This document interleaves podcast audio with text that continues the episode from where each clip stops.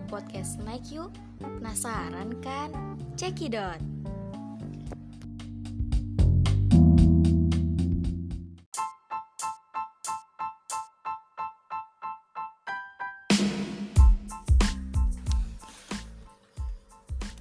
Oke baik, Assalamualaikum warahmatullahi wabarakatuh Selamat malam semuanya kepada para narasumber Dan para kawan-kawan semuanya Apa kabar semuanya?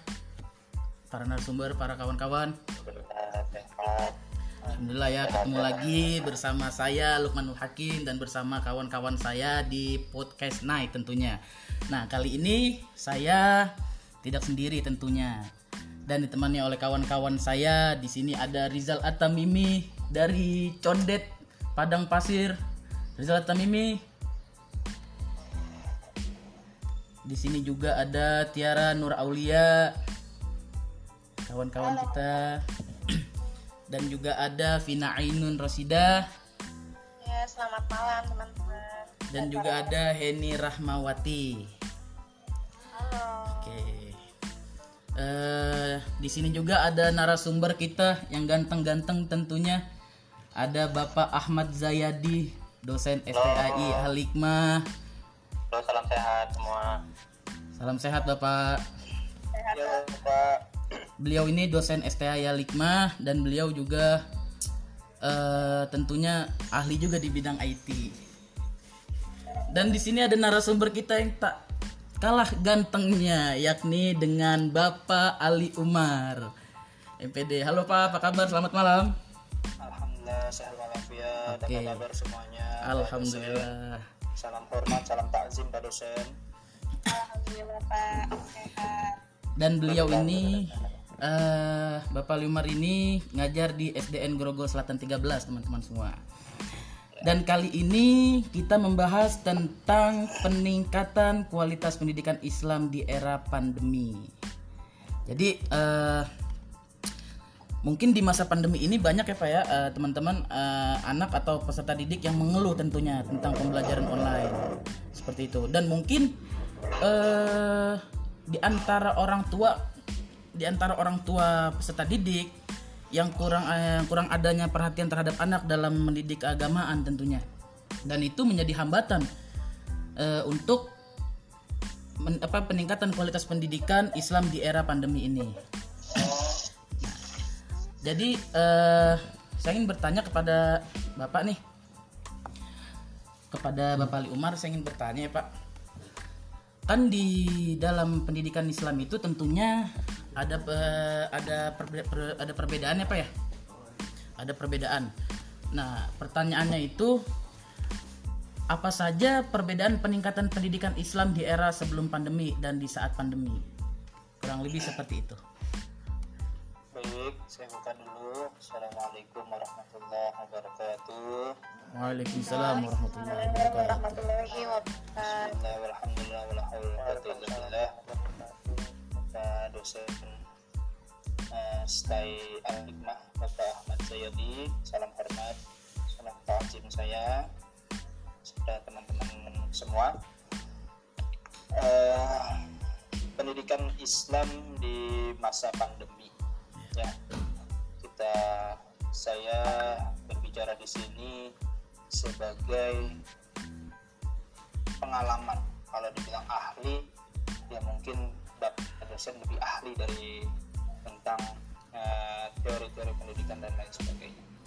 Saya di sini hanya sebagai yang merasakan artinya yang melaksanakan bagaimana pendidikan Islam pendidikan itu dilaksanakan di masa sebelum dan saat pandemi. Begitu juga pasti teman-teman sekalian.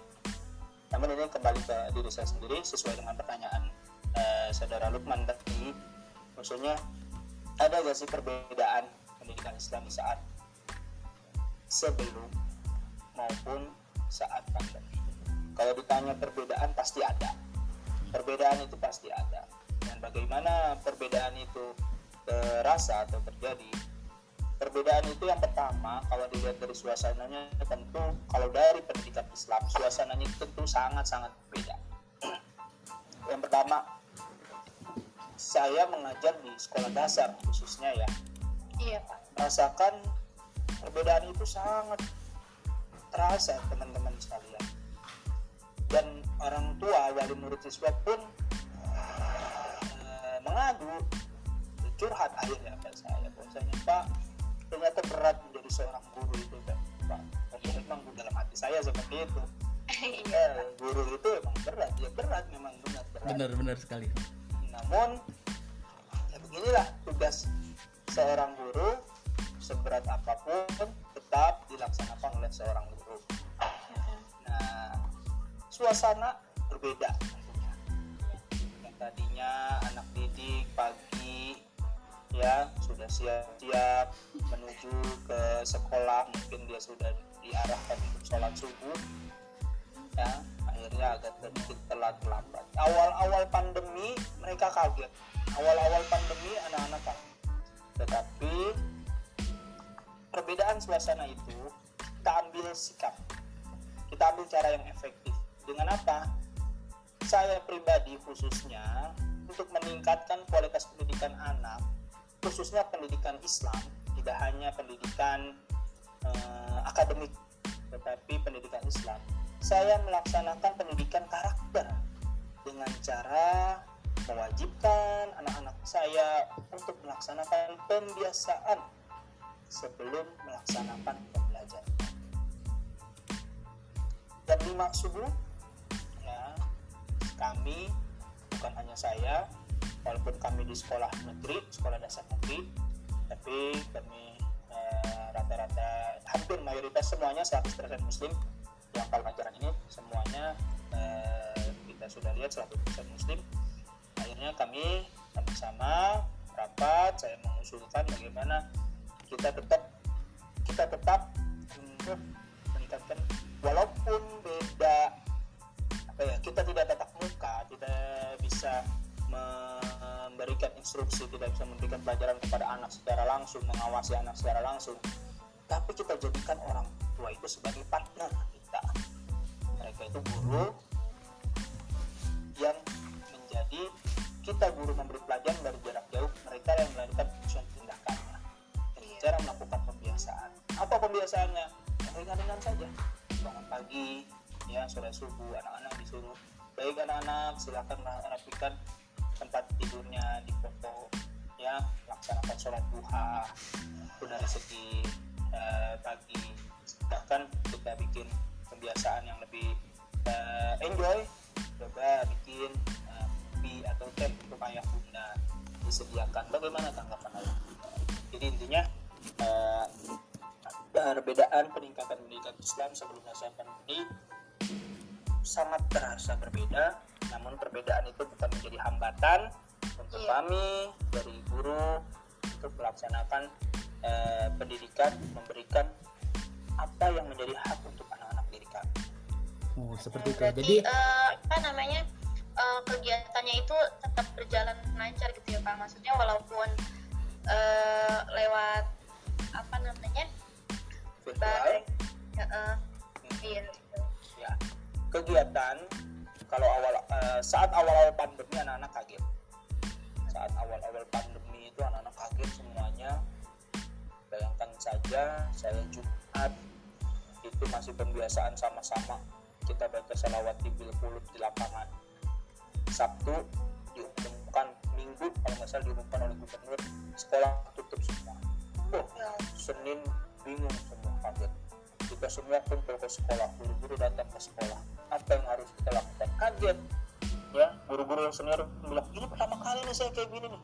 Jangan bapak saya juga yang bukan pertama kali. Gitu kan. Akhirnya eh, kaget semuanya anak-anak ya awal-awal mereka eh, kaget mungkin ada sedikit hambatan-hambatan ada pasti ada. Di awal-awal hambatan sebulan dua bulan yang eh, rajin mengerjakan tugas melaksanakan pembiasaan itu mereka ya memang sudah terlihat rajin. Dan sebelum pandemi pun saat tetap muka belajar biasa sudah terlihat mereka memang semangatnya rajin. Kita lihat semangatnya memang menurun di, pandemi ada yang malah lebih naik. Jadi jadi jadi beragam jadi nggak nggak apa ya nggak yang rajin pasti rajin enggak. Belum tentu juga. Ya yang saya alami yang saat tatap muka rajin kalau kurang dukungan dari orang tua kurang eh, pengawasan dari orang tua down turun. Tapi kalau yang biasa aja nih ya saat biasa-biasa aja saat tatap muka biasa itu dia di sekolah biasa aja ya ketika kita itu eh, PJJ belajar dia mah rajin dan pendidikan ya tentunya dengan pengawasan orang tua Oke. di awal-awal kan itu eh, banyak dari kami yang mengeluh tentang kuota ya Ah, ini betul. dirasakan juga oleh mahasiswa ya Iya betul, betul Kalau sekali Pak itu, mahasiswa. betul sekali. kalau mahasiswa kalau mahasiswa dan siswa mengeluhkan tentang kuota bagaimana kami tenaga pengajar tentunya lebih besar kuota yang kami butuhkan Betul, betul, betul. ya, dibantulah oleh pemerintah jadi hambatan demi hambatan sudah mulai terkikis sekarang tinggal eh, actionnya aja dari kita Hmm. semangatnya aja dari kita dan pendekatan kita kepada orang tua bagaimana agar orang tua bisa menjadi partner kita. Gitu. Tapi terkadang begini Pak, ada orang tua bilang kalau bahasa kasarnya itu, ah ini mah yang sekolah gua katanya, yang pinter gua bukan anak gua kayak gitu. Kalau bahasa kasar seperti itu. Nah, iya tuh pak, banyak kayak gitu pak. Termasuk Iya. mama saya pak, mama saya juga begitu soalnya ngomong ke adik saya pak. Bener sekali itu. Iya benar, benar, benar, benar, benar. Iya, yang tadi saya bilang, "Mm, benar teman-teman, benar teman-teman. Banyak ya guyonan-guyonan lelucon ini, ya lelucon seperti itu, ya banyak sekali. Bahkan ya saya pun merasakan mengasih tugas, ya amazing sekali. Ngasih tugas semua dari A sampai Z nilai 100 Iya. Aduh.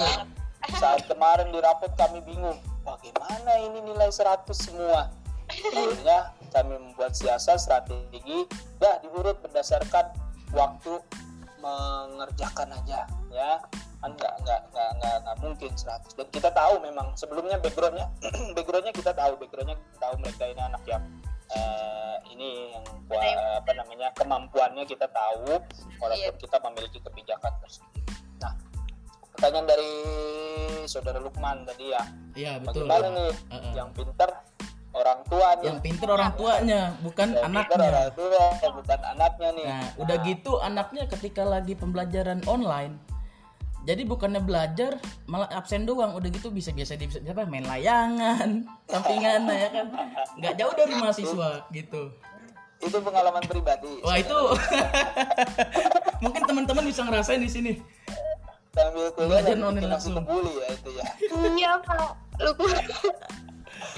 jadi gini ya memang orang tua pasti berpikir seperti itu bahkan ada yang lebih berpikir lebih jauh lagi ngapain gua bayaran ya? Nah, iya, Ngapain betul itu. gua gitu kan? Orang tua ada berpikir itu yang di sekolah-sekolah swasta ya kan? Nah kembali lagi kita kembali lagi ke betapa pentingnya pendidikan dalam kehidupan ya? Pendidikan dalam kehidupan itu adalah sebuah eh, karena kita dianugerahi akal oleh Allah Subhanahu wa taala sebagai manusia laqad khalaqnal insana fi ahsani taqwim sebaik-baik bentuk. Berbeda dengan eh, makhluk yang lainnya. Oleh karena itu kita mengembangkan akal pikiran kita dengan melaksanakan sebuah pendidikan pembelajaran pada saat itu. Hmm. kembali lagi respon orang tua itu memang beragam. Pasti ada yang seperti itu. Ya ada respon orang tua yang menerima ada respon orang tua yang merasa aduh berat yang seperti Pak Lukman tadi katakan Iya. seperti itu. Beragam. Kembali lagi ke gurunya ya sejauh mana pendekatan kita kepada orang tua kita kepada orang tua wali murid ya? Pendekatan kita efektif atau tidak ke wali murid ya? Dengan cara apa pendekatannya? Ya kita bisa kalau saya program di sekolah saya itu eh, sebulan sekali kami melaksanakan zoom bersama wali murid. Kelas A. Melaksanakan zoom virtual bersama wali murid tegur rapa dengan kepala sekolah wali kelas guru bidang studi ya. Bersama Iya, wali Pak. murid. Kita sama-sama ber eh, apa, mencari solusi. Kita sama-sama memberikan saran atau kritik. Apa nih bu yang perlu? Ibu pengen apa ibu pengen apa kita pengen apa kita pengen seperti apa ada kekurangan apa ada kekurangan apa jadi seperti itu jadi intinya adalah eh, me- menyikapi respon orang tua seperti itu memang beragam itu pun bisa terjadi bila kita menjadi orang tua seperti itu yang tadi saudara Rizal ya Iya, Rizal Tamimi. Maknya sendiri Iya, Pak. iya Min Padang Pesir, Min Padang Pesir. Nama saya, Pak. rasakan Itu soalnya. sendiri pasti seperti itu. Tapi intinya kembali lagi pendekatan kita dan tentunya pendekatan itu dalam eh, kalau saya pendekatan ke orang tua memberikan pemahaman kepada orang tua. Ambillah sebuah hikmah di masa pandemi ini bahwasanya ini adalah hikmah merekatkan kembali keluarga. Ya kembali lagi eh, apa ibu adalah madrasah yang utama. Ibu adalah madrasah awal bagi seorang siswa bagi seorang anak jadi mungkin anak pengen kembali ke madrasah awalnya ke sekolah awalnya. Itulah Iya. hikmahnya. Jadi kudu bersabar bapak ibu cuman satu anak. Dia bilang gitu cuman satu anak bapak ibu kudu sabar namanya gitu. Ya memang perbedaan karakter itu macam-macam. Oke, berarti eh, seorang guru itu harus mende- apa harus ada pendekatan terhadap orang tua tentunya ya, Pak ya.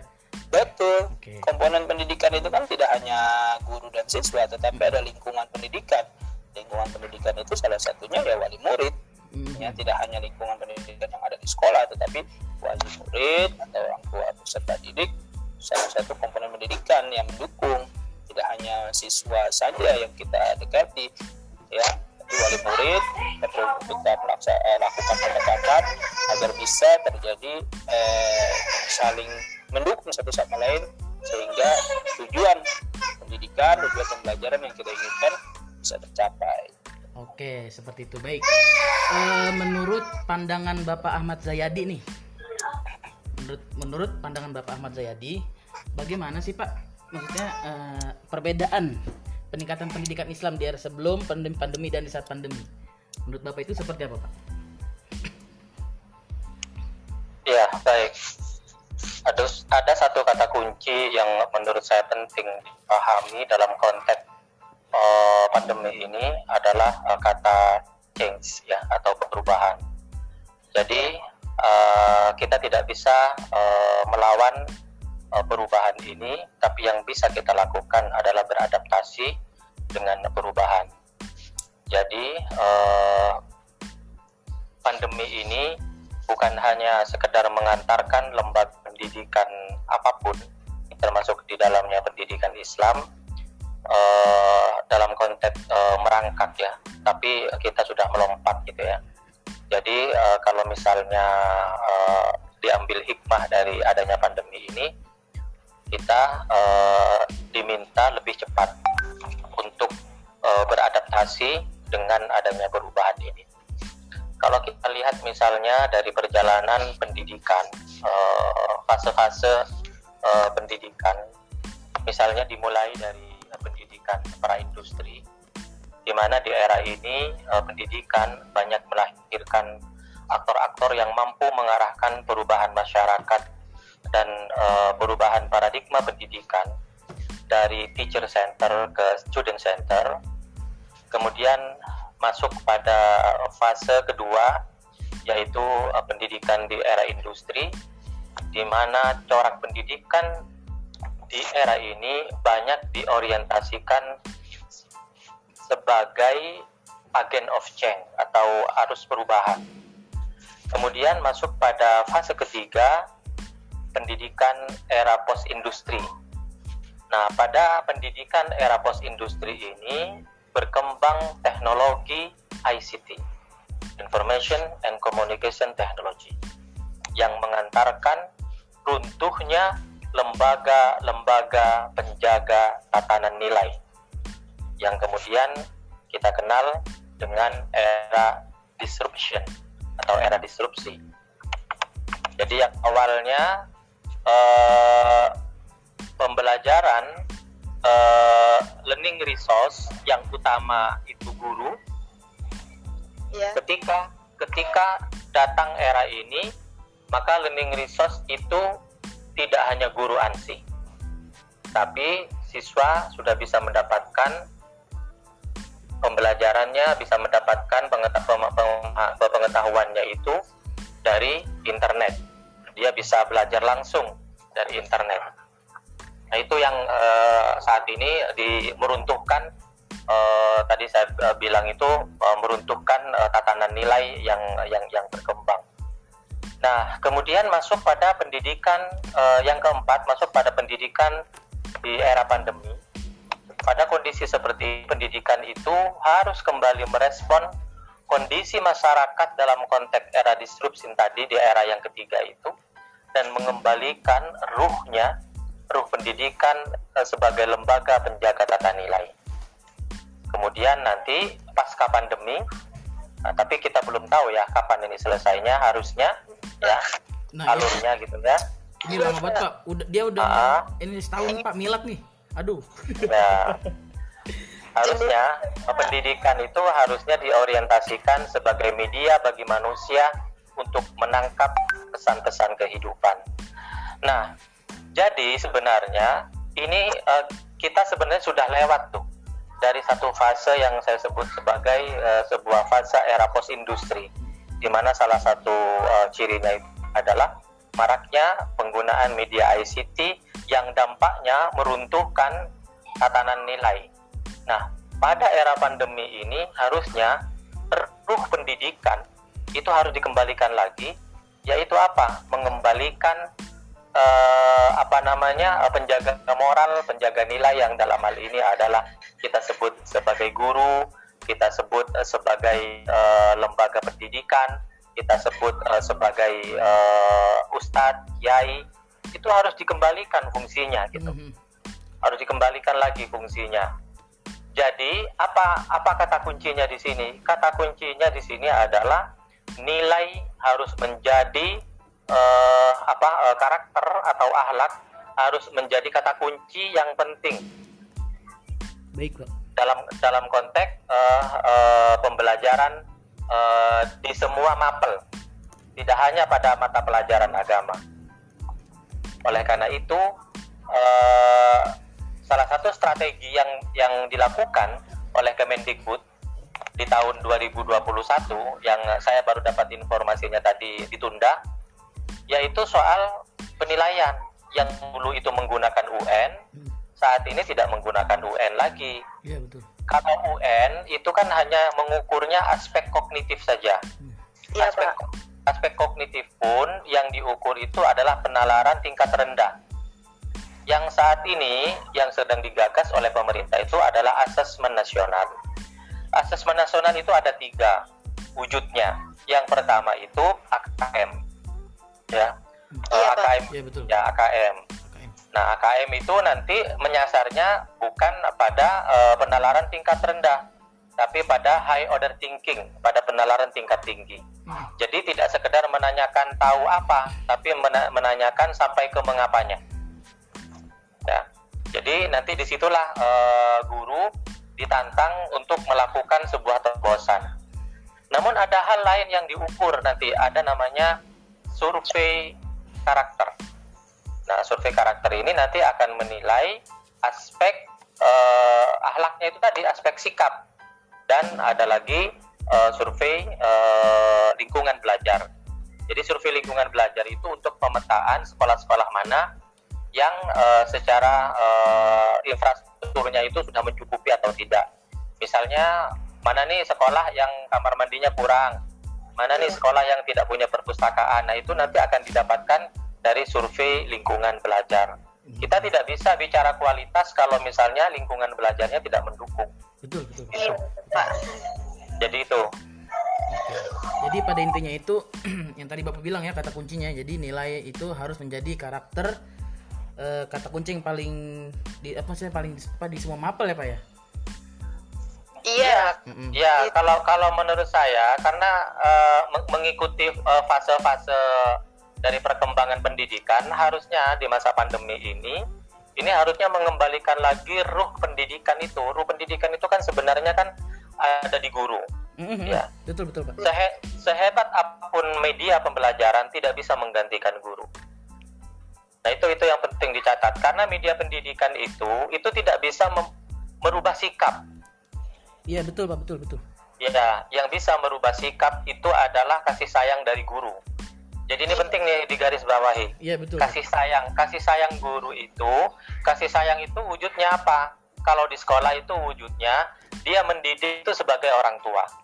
Iya betul Pak. Kemudian kalau di rumah dia tidak lupa ketika dia sholat itu dia mendoakan muridnya. Hmm. Iya, Nah betul. itu itu nggak boleh hilang itu dari guru. Itu Iya. Mau jadi guru apa pun, mau jadi guru matematika, mau jadi guru fisika, itu kan semuanya itu kan pembagian.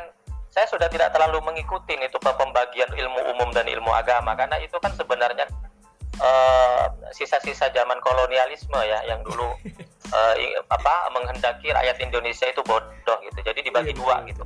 Ilmu agama, ilmu umum gitu. Ya ilmu itu satu ilmu Allah Iya. Iya.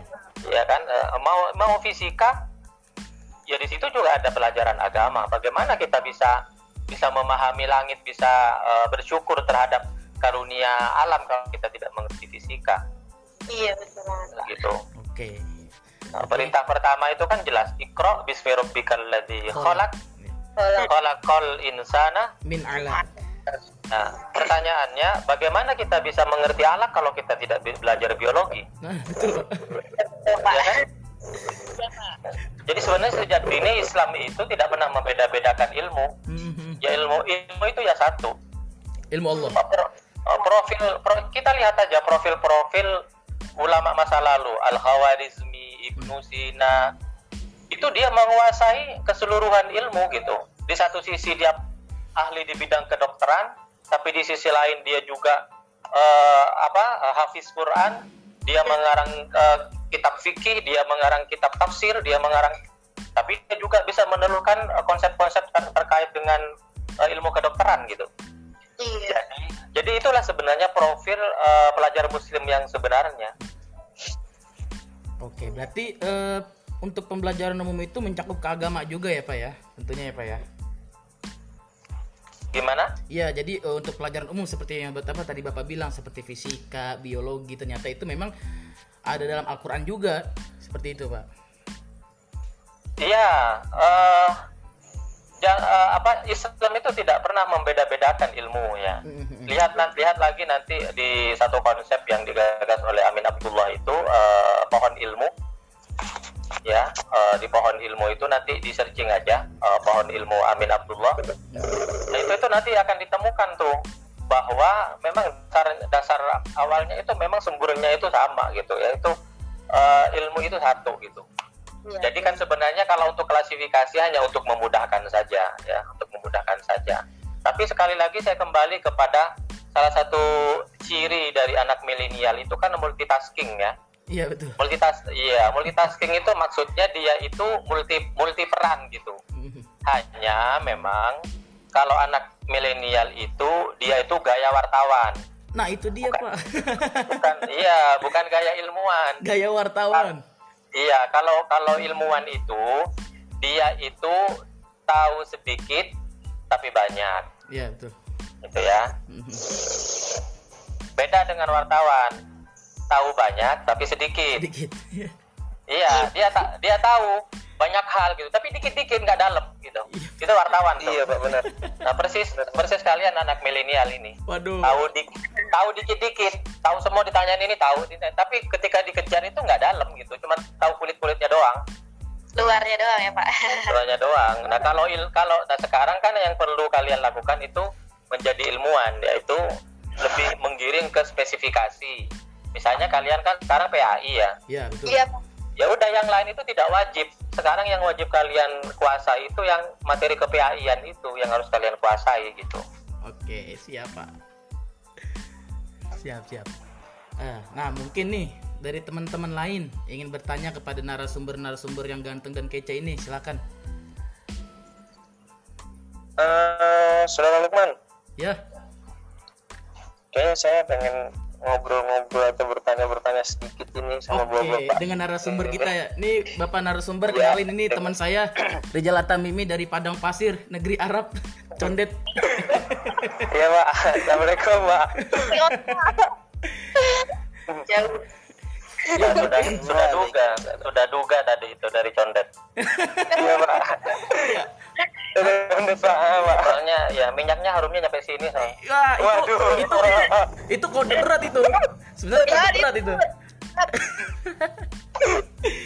Oke, silakan saudara Riza. Iya pak, eh, saya ingin bertanya ke bapak Zayadi dulu ya pak. Eh, jadi gini pak, eh, kira -kira kekurangan dan kelebihan apa aja nih Pak eh, yang terjadi pada pembelajaran agama khususnya agama Islam di era pandemi saat ini Pak?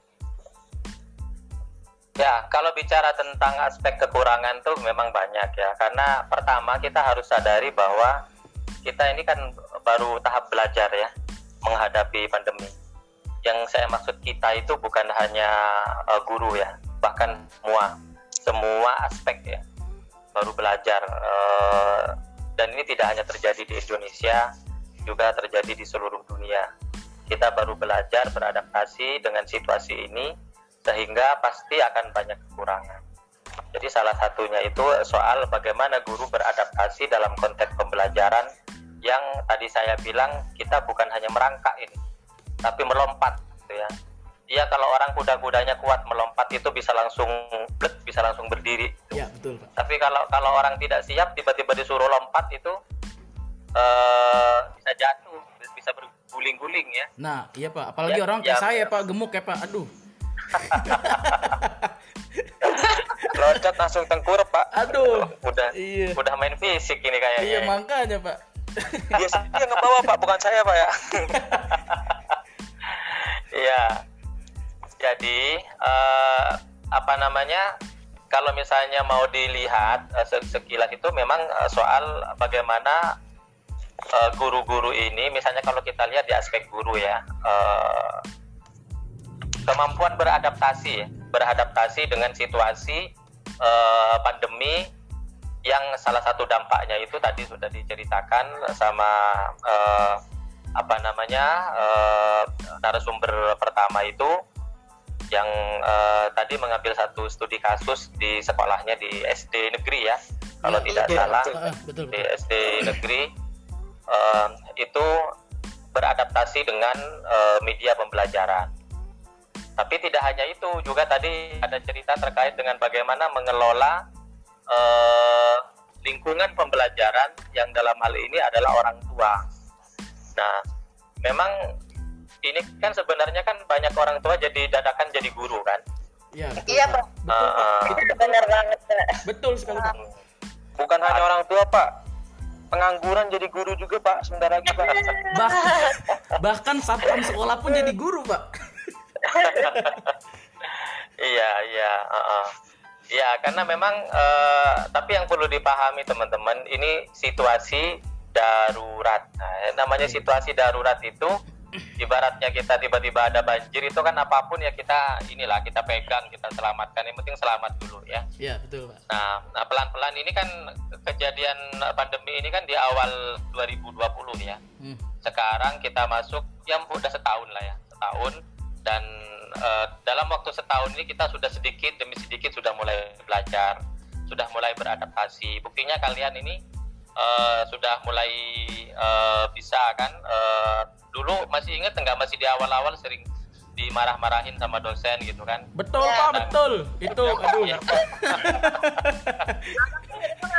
Diomelin Pak. Aduh. Yo, Iya, uh, uh, tapi sekarang udah canggih, udah ini. Makanya kan salah satu Nah, ini juga uh, menurut saya yang tidak kalah pentingnya itu soal strategi pembelajaran. Strategi pembelajaran itu juga harus dipahami nih oleh guru itu jangan seperti yang lalu-lalu lagi. Hmm. Kenapa? Karena dunianya itu udah beda. Kalau du- dulu itu dunia nyata, sekarang kan dunia maya. Betul Pak. Iya, Pak. Iya, Kalau betul, betul, dunia betul. maya itu paling efektif itu strateginya itu pakai project based learning. Hmm, Iya, dipakai kalau tidak pakai project based learning, misalnya ceramah saja, muridnya tidur itu. Iya, Pak, betul, Pak. Tidur. Gurunya ceramah sendiri saya pernah itu dengar tuh gurunya ceramah itu muridnya pada ngorok semua. Waduh. Iya. Nah, apalagi mas, apalagi mahasiswa, mahasiswa udah udah lebih canggih kan. Nah, mahasiswa itu dia, Pak, yang kita alami. Makanya jadi harus dirubah strateginya menggunakan project based learning. gitu jadi penilaiannya itu penilaian project Mhm. misalnya contohnya kayak ini sekarang ini ya kayak sekarang kan mau tidak mau kalian kan harus berusaha kan. Eh, bagaimana mencapai titik tertentu dan mau be- belajar. Terus tumbuh lagi apa? Kolaborasi kan eh, bisa bekerja sama. Terus apalagi mau mencari tahu kan itu ada di situ eh, apa discover learning itu dapat juga discover learning juga dapat. Jadi pesannya apa? Guru harus mau belajar harus mau berubah. Berubah. Tapi terkadang apa namanya pak guru itu kadang suka ngeluh juga pak. Kita juga bingung termasuk mungkin di sini eh, bapak Ali Umar dan tentunya khususnya buat bapak gitu ya. Dan guru-guru yang lain terkadang eh ngeluhnya begini. Kapan corona kelar gitu ya kan? Kadang guru pusing juga gitu tentang masalah nilai juga yang tadi disebutkan gitu ya kan? Jadi eh, untuk masalah nilai juga kadang eh, kayak kemarin waktu itu ada kasus di sekolah kita memang anaknya itu nilai bagus-bagus gitu.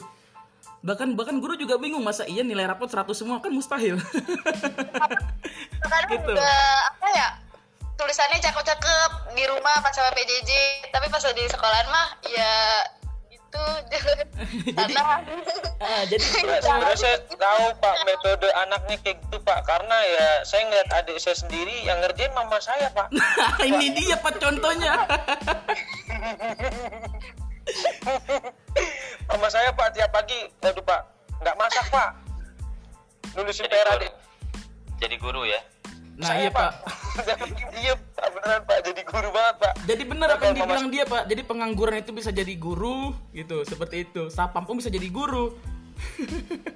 Sudah sumpek baru dia bangunin saya Pak. Iya Pak.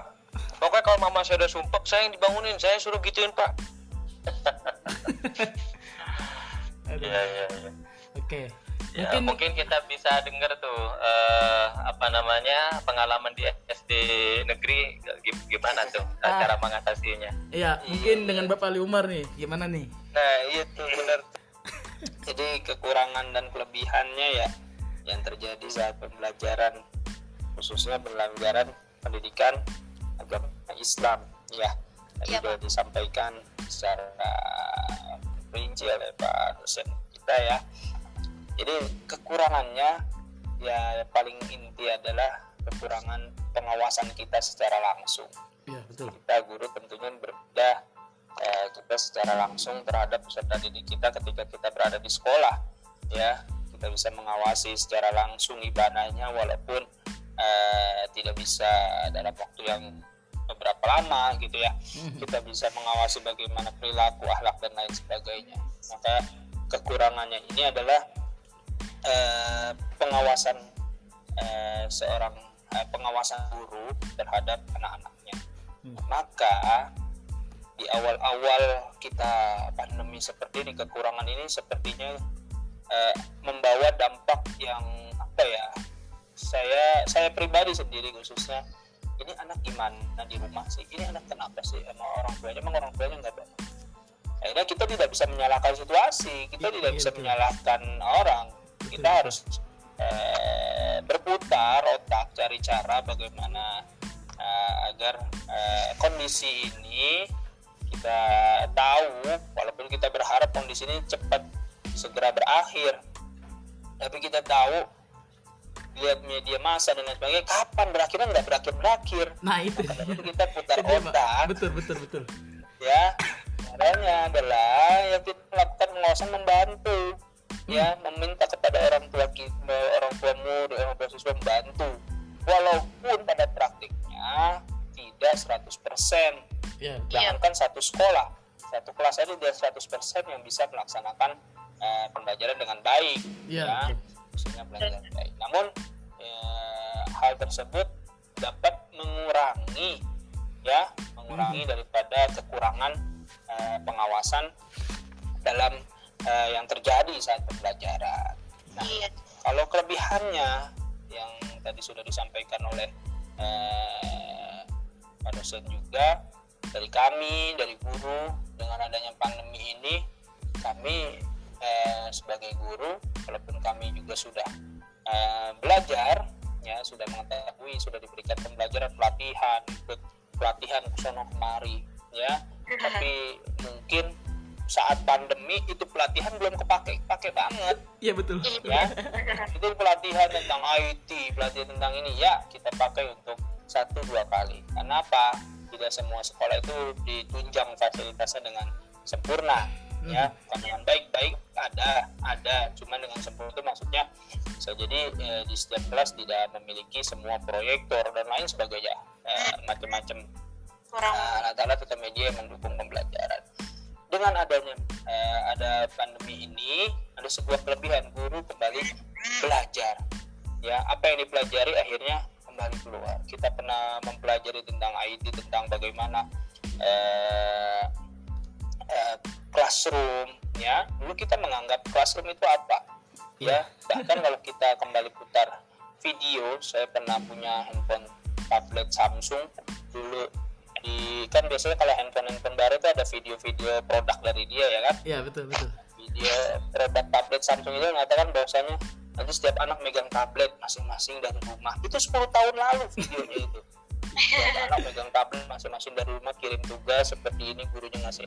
Dan ternyata hal itu terjadi saat ini. Iya. nah iya. kelebihannya kita bisa menguasai IT kita bisa tahu IT ya kita bisa lebih bukan tahu aja lebih memahami IT lebih memahami bagaimana media pembelajaran ternyata banyak selain Google Classroom ada eh, dan banyak banyak banyak lain sebagainya. Lalu bagaimana dengan eh, eh, siswi eh, kita peserta didik kita kelebihannya? Tentunya eh, kita menggali kembali potensi mereka ya. Tidak serta merta kita melarang anak-anak kita melaksa, eh, memiliki medsos. Walaupun dilarang walaupun medsos itu ada batasan umurnya tetapi ya bisa lah diakalin istilahnya oleh anak-anak kita. Iya betul. karena itu anak-anak selain untuk meningkatkan follower ya Bener. bapak minta Waduh. kalian follow bapak. Ya terus pak ngapain terus dilihat? Ya nggak apa-apa biarin bapak lihat. Ya emang buat apa pak? Ya udah tunggu aja. Akhirnya setiap tugas oke tugas praktek A membaca Al-Quran tugas azan tugas hafalan. Ya silakan di post di Facebook Instagram lalu eh, ditandai saya tandai bapak. Ya Ya, lalu betul. tandai bersama. Pak malu pak. Ya, mau bagaimana? Bapak nggak bisa melihat secara langsung. Ya udah ya pak. Akhirnya tandai. Akhirnya mereka akhirnya ada sebuah kebanggaan mereka. Wah ini akan menjadi kenang-kenangan buat saya pak. Iya. Hmm, nanti 10 tahun 20 tahun pun kamu lihat wah dulu kecil saya kayak begini. Itu ya. Sedikit pengalaman-pengalaman saya tentang kekurangan atau kelebihan yang terjadi saat ini. Ya. Oke, berarti eh, guru itu harus kembali belajar lagi tentunya ya Pak ya. oh iya pasti Ah. guru nggak tidak walaupun jadi guru bukan berarti guru stop berhenti belajar. Justru ketika menjadi guru Eh, eh, belajar itu lebih ditingkatkan lagi. Ketika dulu saya jadi mahasiswa, ya saya belajar tentang teori ini, teori teori ini. Tetapi ketika menjadi guru, ya teori itu tidak akan berarti tanpa sebuah praktek dipraktekkan. Hmm. Maka saya praktekkan, ya yang terjadi ketika terjun di lapangan itu berbeda dengan harapan kita, ya karena perbedaan banyak sekali perbedaan-perbedaan karakter, perbedaan latar belakang di peserta didik kita, perbedaan eh, fasilitas dan lain sebagainya itu sangat-sangat jauh beda ya di yang kita rasakan khususnya di negeri kita ini. Gitu. Oke. Mungkin dari teman-teman nih ada yang penasaran, ingin bertanya lagi pada narasumber atau ngeluarin unek-uneknya apa tentang tanya apa tentang masalah pendidikan Islam, silakan. Asalkan jangan nanya, Pak, mau punya istri lagi jangan, jangan. jangan. Itu suatu yang sakral. iya Iya. Silakan yang mau nanya, teman-teman. ya saya mau nanya pak kepada Oke, saudara Tiara, silakan. Pak kan ya kalau misalnya yang saya ketahui ini ya Pak eh, kan banyak banget tuh anak-anak yang mengeluh belajar online. Terus eh, motivasi motivasi apa yang diberikan kepada murid untuk meningkatkan lagi kualitasnya pendidikan Islam Pak. Oke, mungkin dari Bapak Ali Umar. Oh, Silakan. saya dulu. Ya, baik. Apa tadi eh, keluhan anak-anak dalam belajar online ya Iya. bagaimana meningkatkan motivasi ya ya oke keluhan itu pasti ada tidak hanya dari anak-anak bahkan dari kita tenaga pendidik atau tenaga pendidikan tentang belajar online itu pasti ada namun di sini perlunya setiap anak-anak kita mulai down eh, titik jenuh itu ada ya Iya. ketika awal-awal mereka ada semangat semangat tapi ada waktunya titik jenuh ada beberapa anak yang mulai lambat mengerjakan tugas apalagi bahkan eh, ada beberapa anak saya yang ketika kurang pengawasan ya handphone kuota dari pemerintah dibuat main Mobile Legend, Free Fire dan lain sebagainya ya Betul Pak. Iya. Nah, namun kita sebagai guru eh, terus memotivasi. Bahwasanya anak-anak kita berada di masa seperti ini. Emang lagi masanya. Ya. ya saat ini emang lagi masanya. Kita rasakan kita nikmati ya. Tapi hal ini kembali lagi saya motivasi tentang keagamaan. Karena saya khususnya guru agama bahwasanya ini mungkin sudah kode ketetapan dari Allah Subhanahu Wa Taala di tahun sekian akan ada pandemi. Tetapi kita tidak bisa berdiam diri saja terhadap ketetapan itu Hmm. ya. Artinya kita harus uh, innallaha la yughayyiru ma biqaumin hatta yughayyiru ma bi anfusihim ya. Kita harus berubah ya. Anak-anak kalau ada yang mengatakan bahwasanya akan ada sebuah generasi bodoh di zaman kalian nanti jangan percaya. Kalian justru bisa membuktikan bahwasanya saya berada di masa pandemi tapi saya bisa sukses. Saya bisa menguasai di mana orang-orang yang hidup sebelum pandemi ya saya bisa lebih daripada mereka. Apalagi motivasinya motivasi tentang bagaimana kalian di masa pandemi ini mungkin eh, dapat ada sebuah kemudahan-kemudahan ya Iya. baik kemudahan akses internet dan lain sebagainya. Nah itu menjadi sebuah motivasi buat anak-anak kami ya. Kami juga motivasi tidak cuma buat anak-anak.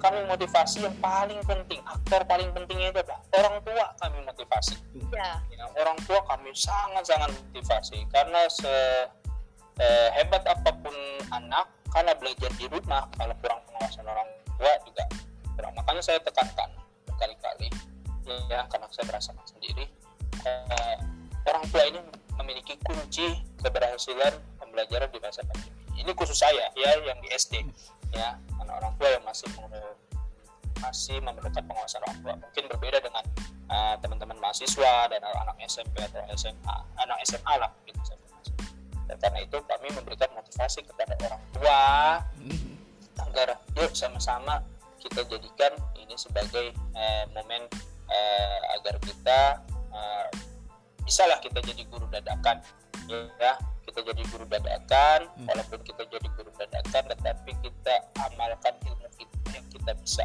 Kalau memang ada kesulitan dan lain sebagainya silahkan tanya ya.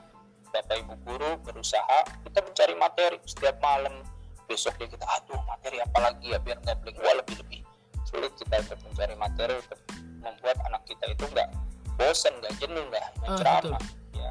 Tidak hanya memindahkan kelas ke rumah dengan zoom seperti ini ceramah dari A sampai Z nggak, nggak, seperti itu kan ada materi yang kita sampaikan yang menarik agar anak-anak tidak hanya merasa ah ini mah sama aja belajar di sekolah Iya betul. Oke, mungkin eh, dari Bapak Ahmad Zayadi ingin menambahkan dari pertanyaan saudari Tiara Nur Aulia. Ya, pertanyaannya memang paling cocok dijawab eh, sama narasumber pertama ya karena lebih apa eh, lebih kontekstual ya. Karena memang beliau ngajar di sekolah dasar yang memang berhubungan langsung di apa di, di sekolahnya itu dengan anak-anak. Eh, kalau apa kalau dari saya sih sebenarnya ini hanya sekedar ingin mengingatkan dari eh, satu apa satu hadis yang diriwayatkan oleh uh, At-Tabrani yang eh, Rasulullah itu bersabda la yatbawi lil jahil kuna ala jahli. Tidak pantas bagi orang yang bodoh itu mendiamkan kebodohannya. Itu artinya orang yang dirinya bodoh dia harus supaya tidak bodoh Namun ada lanjutan dari hadis ini. Wala lil alim ayyaskuna ala ilmi. Dan tidak pantas pula bagi orang yang punya ilmu mendiamkan ilmunya. Jadi, apa yang bisa kita petik dari nasihat ini dalam uh, uh, konteks uh, pembicaraan uh, tentang kualitas pendidikan orang yang tidak berpengetahuan dia harus berusaha untuk berpengetahuan atau belajar. Tapi sebaliknya orang yang punya ilmu itu tidak boleh pelit dengan ilmunya. Iya. Dia itu harus mau berbagi, betul, betul. harus mau berbagi ilmunya. Dan eh, ada jaminan bagi mereka yang mencari ilmu. Apa jaminannya? Man salaka tariqan yaltamisu ilman sahalallahu bihi tariqan ilal jannah. Barang siapa yang menempuh suatu jalan untuk menuntut ilmu, maka Allah akan memudahkan baginya jalan menuju surga. Jadi jaminannya surga itu. Iya betul. Jadi perbaiki niat kalian, perbaiki niat kalian, perbaiki niat kalian. Terakhir, saya ingin menutup dengan eh, apa? Dengan salah satu eh, kata-kata bijak. Inna ta'lim huwa jawazu safarinal mustaqbal. Pendidikan adalah paspor perjalanan kita untuk masa depan. Li'annal ghada milk diulaika alladzina yu'idduna lahul yaum. Karena hari esok adalah milik mereka yang tengah mempersiapkan dirinya hari ini. Jadi bagaimana kalian menyiapkan hari ini itu adalah cerminan kalian hari esok. Kalau kalian serius, kalau kalian tekun, kalau kalian tidak gampang putus asa, maka masa depan itu milik kalian. Kenapa? Karena kalian sudah pegang paspornya. Tapi sebaliknya, kalau kalian main-main, kalian malas-malas, kalian eh, banyak banyak eh, main TikTok, betul betul. Generasi milenial pak. Simulasi corona ya, Pak. Saya main Mobile Legends. tapi memang hiburannya seperti itu pak. TikTok Free Fire Mobile Legend. Ya. ya untuk Ya itu penutup penutup dari saya ya. Mudah-mudahan eh, ada manfaatnya walaupun sedikit ya. Pak. Oke. Amin. Ya, terima kasih ya. Oke, sama-sama Pak. Oke, eh baiklah. Mungkin kita akhiri podcast ini kali ini ya Eh, tentang judul topik yakni meningkatkan pendidikan Islam di era pandemi. Yang lebih seperti itu. Dan pada kesimpulannya adalah eh perubahan itu tidak bisa eh, tidak bisa kita lawan, tapi harus kita beradaptasi dengan perubahan tersebut. Gitu. Dan sehebat apa pun media tidak bisa menggantikan ruh seorang guru dan guru kembali belajar walaupun sudah menjadi guru. Pada intinya eh, semua itu harus didasari dengan belajar tolabul ilm kurang lebih seperti itu. Dan mungkin eh, ada kritik dan saran dari para naras para naras- narasumber yang kece-kece ini untuk kami. Kalau tidak ada eh, kami dan teman-teman eh, dari kelompok satu mahasiswa STI Likma mohon pamit terima kasih kepada narasumber kepada Bapak Ahmad Zayadi MPD selaku dosen atau dosen pengampu eh, mata kuliah eh, pengembangan media media pembelajaran dan Bapak Ali Umar MPD selaku guru di SDN Grogol Selatan 13 dan beliau ini guru saya juga di rumah. Seperti itu. Oke, baik kita akhiri podcast pada malam hari ini. Semoga bermanfaat untuk semuanya. Semoga para narasumber dan para kawan-kawan diberikan kesehatan oleh Allah Subhanahu wa taala. Amin ya rabbal alamin. Wallahu ila. Assalamualaikum warahmatullahi wabarakatuh. Waalaikumsalam. Waalaikumsalam warahmatullahi wabarakatuh.